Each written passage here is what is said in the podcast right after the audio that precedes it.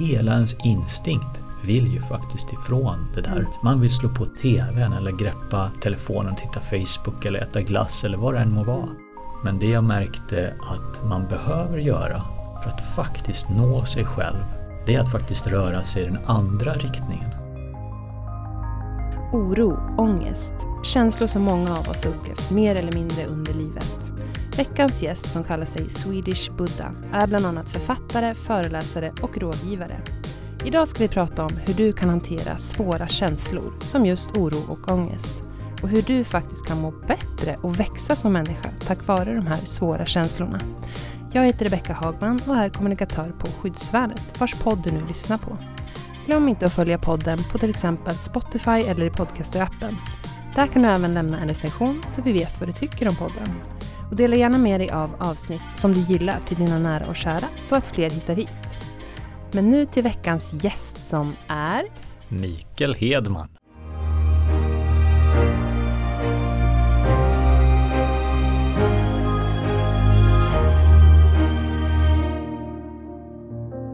Välkommen hit! Tack så mycket. Hur mår du idag? Jo, det är en hygglig dag. Det är lite blandat. Jag har lite stress i systemet känner jag, men överlag så eh, får det vara där.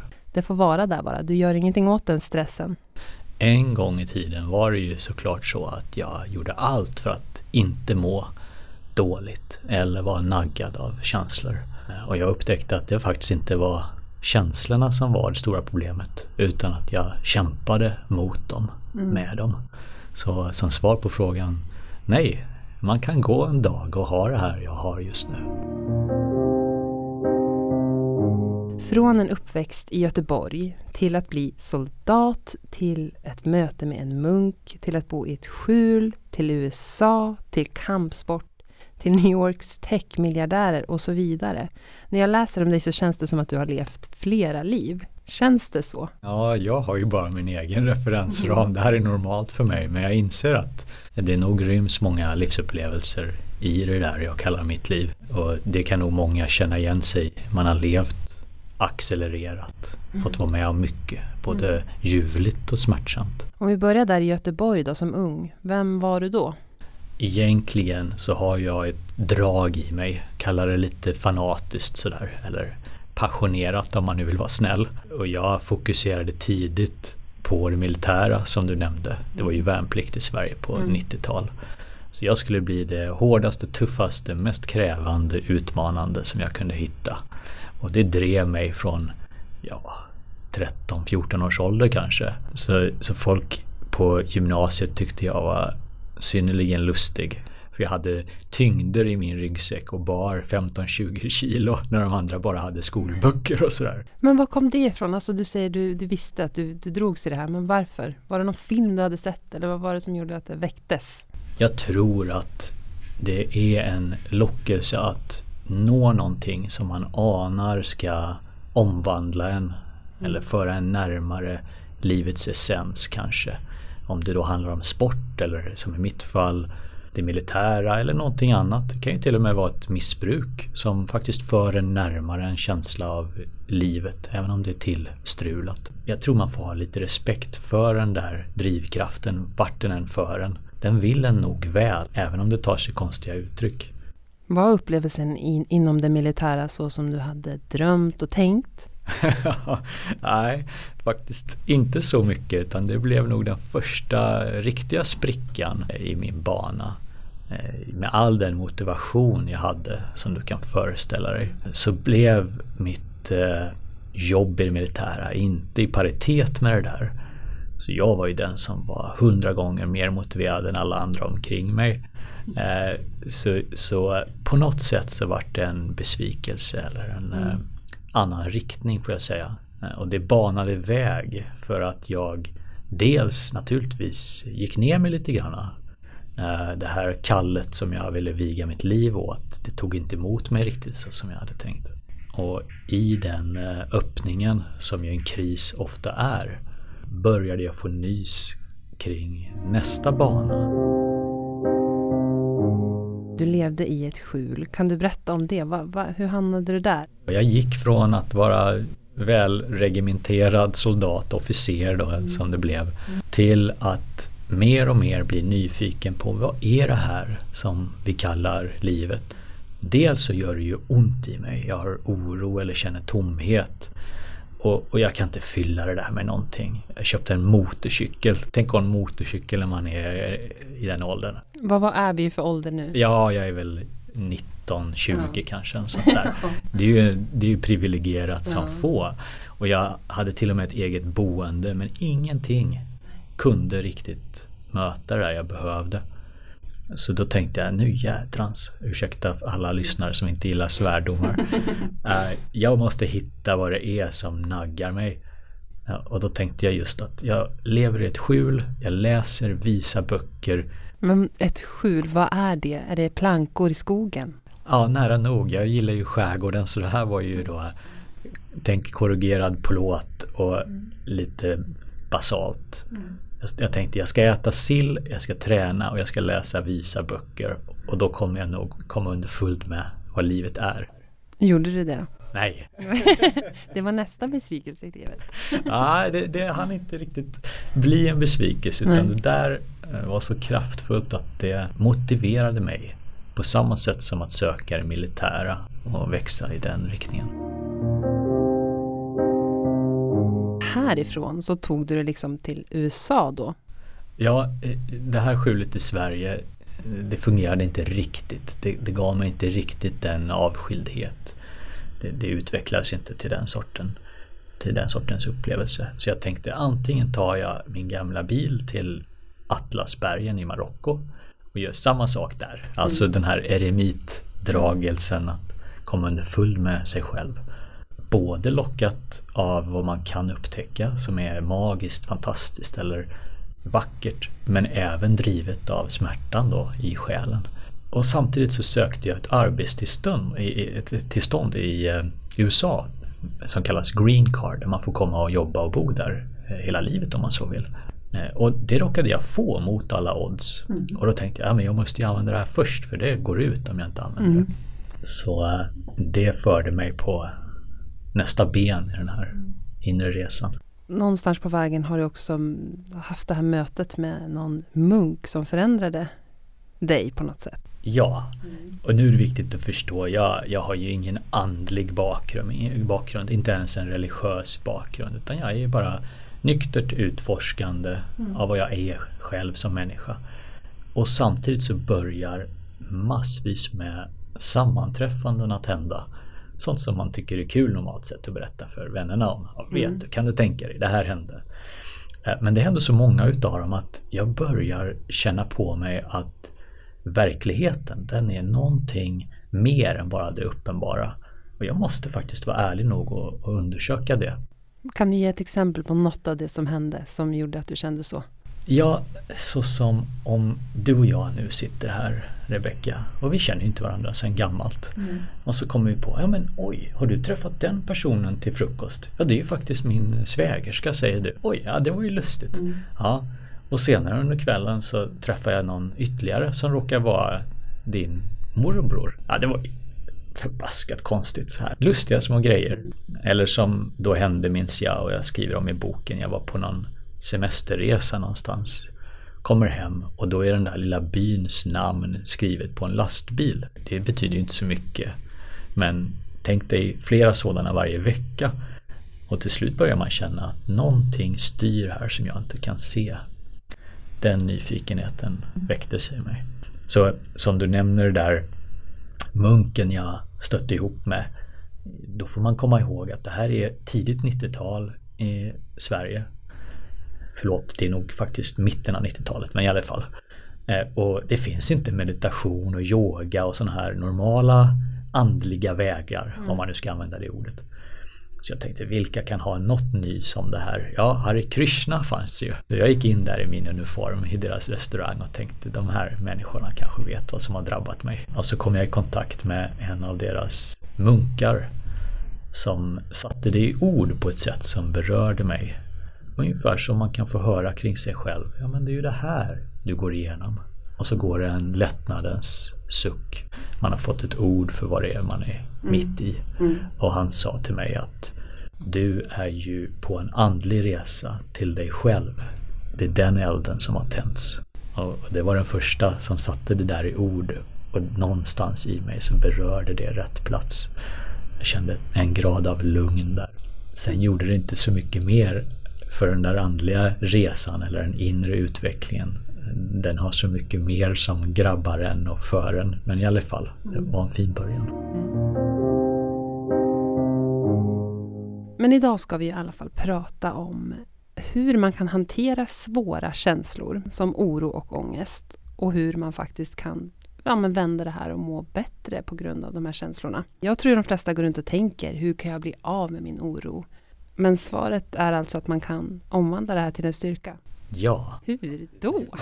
ja, det är faktiskt så oerhört enkelt att man faktiskt missar det. Av allt man försöker och gör så är det närmaste mest intima så nära en att man faktiskt inte ser det. Det är inte naturligt. Och jag själv under många, många år trivs då att söka mig själv eller komma till rätta med det som smärtar inuti mig. Mm. Jag mediterar ju som många gör nu för tiden. Man lugnar ner tankar för tankar kan leda till smärta. Och man är ju självförebrående ofta som människa. Är man inte självkritisk och lite elak kanske mot sig då är man istället lite stöddig och uppblåst. Jag vet inte vilket som är värre. Mm. Men i alla fall. Så allt det där märker man att ja, men jag kan ju faktiskt lugna tankarna och bli medveten kring dem. Och det hjälper mig.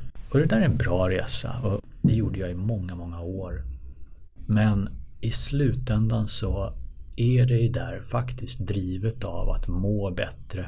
Man vill må på ett särskilt sätt. Mm. Man vill vara energisk eller öppen, tacksam och, och närvarande. Inte nedstängd, sorgsen eller dränerad.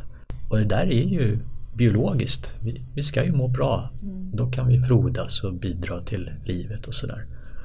Men det jag märkte att man behöver göra för att faktiskt nå sig själv och komma till rätta med allt som är inuti en.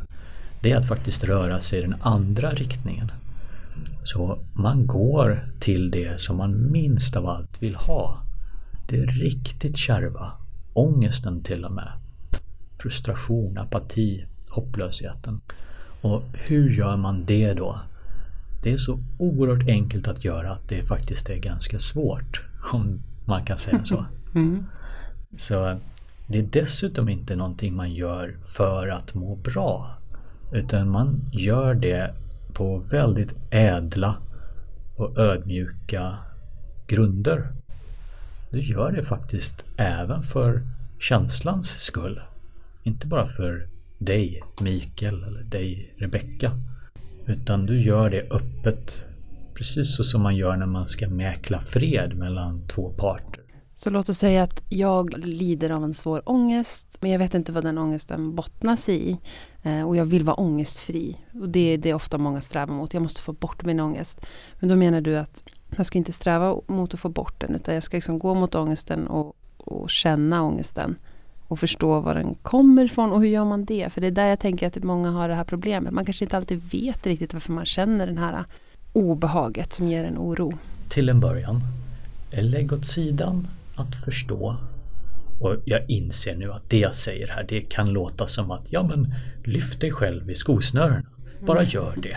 Eller bara sätt ett leende på läpparna. Jag inser att det är jättestora krafter i en människa. Och bara se på vad vi gör för att inte behöva ha de krafterna löpandes runt. Vi eh, blir eh, advokater eller vi dricker alkohol eller vi, vi gör en mängd grejer i livet bara för att kunna hålla det lite på avstånd. Jag säger inte det här med en lätt ton. Jag ska gå in lite mer i detalj på hur man faktiskt kan göra det. Du vaknar kanske upp med en oro eller någonting som är tungt och svårt, en sorg som sitter både i kroppen men även påverkar tankarna och perspektiven. Mitt liv är hopplöst eller det kommer inte bli bättre, jag är sån här. Ofta så vänds ju tankarna och blir riktigt kritiska och faktiskt genererar sina egna smärtsamma känslor. Så det går som en cykel mellan, säg hjärta och huvud. Och om jag då säger ja men närma dig känslorna så är det nära nog omöjligt på egen hand. Det är ju som att sticka in en hand i elden. Det gör man bara inte. Då finns det ju små, små steg som man kan nyttja för att minska avståndet till känslan. På samma sätt som två skolbarn på eh, skolgården som har bråkat och så har man dem nu framför sig. Och de tänker inte skaka hand och bli vänner. Men man kan ändå kanske få dem att, ja ah, men vet du, kan ni dela på det här äpplet och äta det tillsammans? Ja, ah, okej, okay, jag tar den delen. Mm. Långsamt, långsamt så kanske någon sträcker över ett bokmärke till den andra utan att säga någonting. Men det är en vänlig gest. Du skapar kontakt med känslan. Och på samma sätt så kan man börja prata till sin känsla utan risk för att man blir en sån där som pratar med sig själv då. så man kan skämtsamt eller till och med raljant säga ah, fasen, du tycker verkligen jag är så dålig. Jädra, kan du få det att göra lite ondare i min eh, bröstkorg? Kan det vara lite tyngre där eller är det här max? För just nu är det riktigt jobbigt. På något sätt så börjar man att lätta stämningen med den där kraften. Så det är inget kallt, tyst krig. Utan man har börjat slänga käft lite grann. Och man kan till och med vara varm, vänlig och säga du, så ont det gör för mig, det måste ju göra ännu mer ont för dig känslan. Shit alltså, att du, om du är tvungen att göra så här ont i min mage. Ja, undra vad som finns i dig då. Undra vad vi har för dynamik egentligen. Bara lite vänliga ord. Och så har man brutit tystnaden. Klarar man inte att göra det där själv, möjligtvis att man har någon som förstår samma väg och är villig att gå den tillsammans med en. Kan vara där, inte ta bort någonting utan bara skapa bättre relation. Så vad jag säger egentligen, det är att börja få en kontaktyta mot känslan. Och då kanske någon reagerar och säger ja, men jag känner ju den här frustrationen eller jag känner ju ångesten. Den är ju här hela tiden. Ja, men vet du, den är där kanske som en möbel i ditt rum. Men gå lite närmare den där fåtöljen. Den där jäkla knarriga, mörka, otäcka fåtöljen. Du behöver inte sätta dig ner i den just nu. Men bara smaka lite utav den, dess ytterkanter. Det låter lätt när du säger det, men jag sitter också och funderar på hur man ändå gör det bokstavligt talat. Jag, jag förstår vad du menar, att det, det låter lätt men samtidigt inte. Nej, nej, det är bra, det är bra för det är inte direkt lätt bara med en sån här instruktion. Därav att jag ju hjälper människor högt och lågt just med processen. Hela ens instinkt vill ju faktiskt ifrån det där. Mm. Man vill slå på TVn eller greppa telefonen och titta Facebook eller äta glass eller vad det än må vara. Mm. Så det ena är att det går emot hela instinkten, hela hans psykologiska byggnad. Och det andra som är kivigt det är att eh, man är så pass smart i sina lösningar på sitt liv så man kommer på saker som faktiskt håller en på avstånd. Om det så är att försöka förstå vad det är som sker, det är också ett avstånd till känslan. Och det är nästan som om man har ett barn och barnet kommer gråtande så det har skurit sig lite i fingret eller fått en tagg. Och så istället för att hålla om barnet och säga du det där kommer gå bra och sådär. Ge, ge dem känslomässig trygghet. Så börjar man, vilken buske kom den ifrån? Mm. Vad gjorde du? Sträckte du fram? Det skulle man ju aldrig göra. Man skulle aldrig behöva börja förstå ett sånt läge. Och ändå gör man det med sig själv. Mm. Försöker förstå varför känner jag den här sorgen och nedstämdheten. Så först vara med det som finns. Mm. Skälet till att jag säger att det är mm. så enkelt, nästan dumt enkelt och ändå svårt och dolt. Det är att vi är så komplicerade eller raffinerade. Att vi tänker ofta, ja den personen gjorde ju det mot mig. Kan man ju till och med projicera utåt. Mm. Och blir man lite mer nära sig själv så börjar man tänka, vad gjorde jag? Eller vad gjorde mina föräldrar mot mig? Mm. Tar du då ett steg till så kanske du bara sitter med tyngden eller nästan paniken i halsen eller vad det än må finnas i dig. Det är väldigt modigt. Då har du inte dina tankar som skydd eller vapen nästan. Jag tänker också på hur samhället är uppbyggt idag. Det är ju uppbyggt för att man ska kunna fly från sig själv. Tror du att det är svårare idag att, och liksom lyckas med det här än vad det var för 30 år sedan? Jag tror faktiskt inte det. Jag tror att det är lättare idag för livet gör mer ont om jag nu får säga så. Mm. Och du sa alldeles nyss att mod och rädsla, ja det går hand i hand. Men jag måste sänka mig lite från någon möjlig pedestal och så. Jag har nog inte direkt varit modig. Och man kan tycka oj, titta vilken resa och militär där och bott i USA och gjort allt det där. Men jag har nog snarare varit desperat. Och jag tror många kan känna igen sig i att när man tar bra steg till slut då är det för att man varit desperat och så nedgången mm. så länge att man faktiskt inte kan fortsätta på det sättet. Man måste göra någonting i rätt riktning. Mm. Om det så är att sluta dricka eller sluta med droger eller vad det än är. Och så börjar man ta hand om sig på ett lite mer hänsynsfullt sätt. Mm. Och jag känner nog att i mitt fall, ja, allt jag försökte funkar inte. Meditation funkar faktiskt inte Intressant att du säger det, för det känns ju som det vanliga tipset. Jag googlade på så här, hur blir man av med ångest och oro? Och då kommer de här tipsen upp som nummer ett. Att det är ju att man accepterar känslan och så, men också meditation, sömn och alla de här vanliga parametrarna som är väldigt viktiga för att må bra. Vad säger du om, om de tipsen? Jag säger salt och en nypa av det. Ta det med en nypa salt. Och naturligtvis, det är allmänt erkänt att meditation, mindfulness och liknande, det ger dig utrymme att faktiskt stabiliseras och börja odla mm. energi och hopp och sånt där. Eh, och, dessutom självkännedom och allt mm. som är användbart. Mm. Så jag ska absolut inte dissa det där. Det, det är som lågstadiet eller mellanstadiet ja, mellanstadiet från fjärde klass till sjätte är bra för då lär du dig vissa grejer. Du börjar med engelska då. Mm. Men det räcker inte hela vägen. Och sen beror det på hur mycket av svårigheterna man har i sig. Det kanske räcker mm. att börja meditera och mm. äta lite bättre. Och så har man faktiskt nått över en tröskel och livet börjar öppna sig. Man får ett bra jobb eller vad det nu handlar om. Om man verkligen vill komma nära djupt liggande saker då kan man inte försöka ta bort dem. Och för de flesta människor så är meditation just ett sätt att ta bort. Mm. Om man så kallar det att tillföra kärlek eller lugn. Men vad man i själva verket gör det är att byta ut det kalla, tunga mot någonting som är ljust och varmt. Så tittar man på sina motiv så är det oftast därför man lägger sig till med sådana övningar. Du behöver bli långt mer öppen inför vad som finns i dig inte välja bort det. Din egen relation till oro, om du ser liksom från då till nu, har du blivit bättre på det skulle du säga? Jag har blivit fri att ha oro, inte fri från det. Mm. Och under så, så många år när jag sökte andlig vägledning, jag var ute i öknarna om nätterna och drog kraft och gör mycket sånt som man gör i etiska kretsar. Just för att bli fri från det mänskliga oket, om man nu kallar det för det. Att ha en kropp och ha stressen av räkningar och allt. Eh, tills jag egentligen hade uttömt hela den vägen och då först var redo för att göra det här som är den verkliga banan till sig.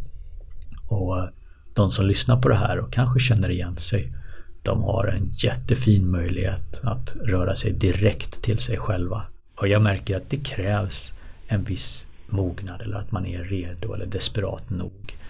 Annars kommer man vilja försöka meditera sig till det liv man vill ha istället för att öppna sig inför det liv man faktiskt har. Tror du det är vanligt att man alltid strävar efter att få mer och vill ha mer och att det, blir, det låser sig liksom och försämrar måendet? Ja, det, det, det tycker jag är en jättefin fråga.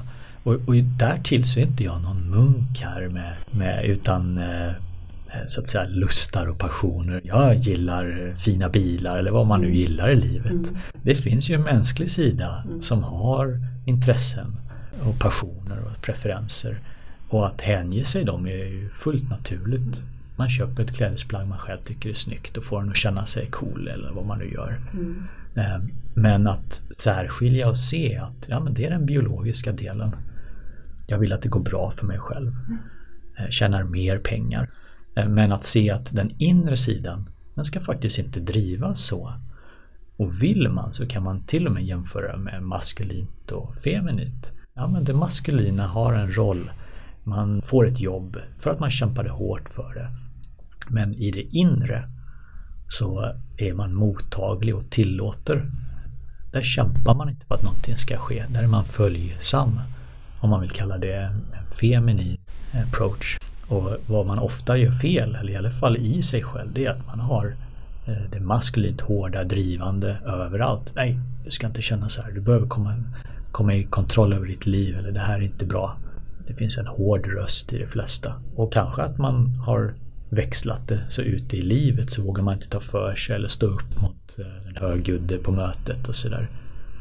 Där behöver man stå upp för sig annars blir man överkörd. Mm. I alla fall ofta mm. i arbetslivet. Mm. Så hålla koll på de sfärerna och vad över är viktigt. Om man går in lite mer på just känslorna i sig då, oro och ångest. Om man känner att jag har bara ångest eller jag har bara oro eller går de alltid hand i hand? Kan man särskilja på det där? Ja, nu för du på tal någonting värdefullt för många människor tror jag. Jag tror att långt fler än de som sätter i ord att de har oro och ångest faktiskt har det. De har bara bättre strategier, om man nu ska kalla det bättre, mm. för att hålla det i schack. Mm. De jobbar hårt eller de har något intresse som bränner stresshormon. Mm. Så här. Och att då våga släppa upp de där känslorna mm. eller kanske tvingas släppa upp för de är så starka. Det är ju faktiskt eh, beundransvärt och lovande. Det ska man komma ihåg. För när man har den där starka ångesten då tycker man ju, nej men titta på alla andra som lyckas leva sina liv. Mm. Det här är ju dåligt. Faktum är att du gör någonting som är ädelt för din insida. Även om det inte ser så snyggt ut eller Eh, berövar dig på energi som du skulle kunna använda till annat och sådär. Så du gör en djupresa. Fint. Till den som lyssnar tänker jag som kanske känner att man vill bara man, man är misslyckad och känner att man bara sitter och mår dåligt hemma så kan det faktiskt, man kan se det som att man eh, men är i nuet och bara känner sina känslor att det är någonting modigt. Då med andra ord. Ja, inte bara ser det utan de facto det är faktiskt vad det är. Mm. Och om någon är förälder som lyssnar på det här. Man ser ju hur ens stress kanske och nedstämdhet och så här går ut över barnen eller de får inte riktigt vad de kunde få om man var en solstråle och mm. bakar bullar till dem. Mm. Vi skojar mm. lite grann. Men, men tänk hur den där ångesten som finns i dig eh, som du inte har något val kring. Den kanske kom från din barndom eller dina föräldrar eller livsomständigheter. Mm. Så den finns där. Det finns inget man kan göra åt att den finns där just nu. Annat än att förtrycka den, lägga locket på. På något sätt inte ha den uppe.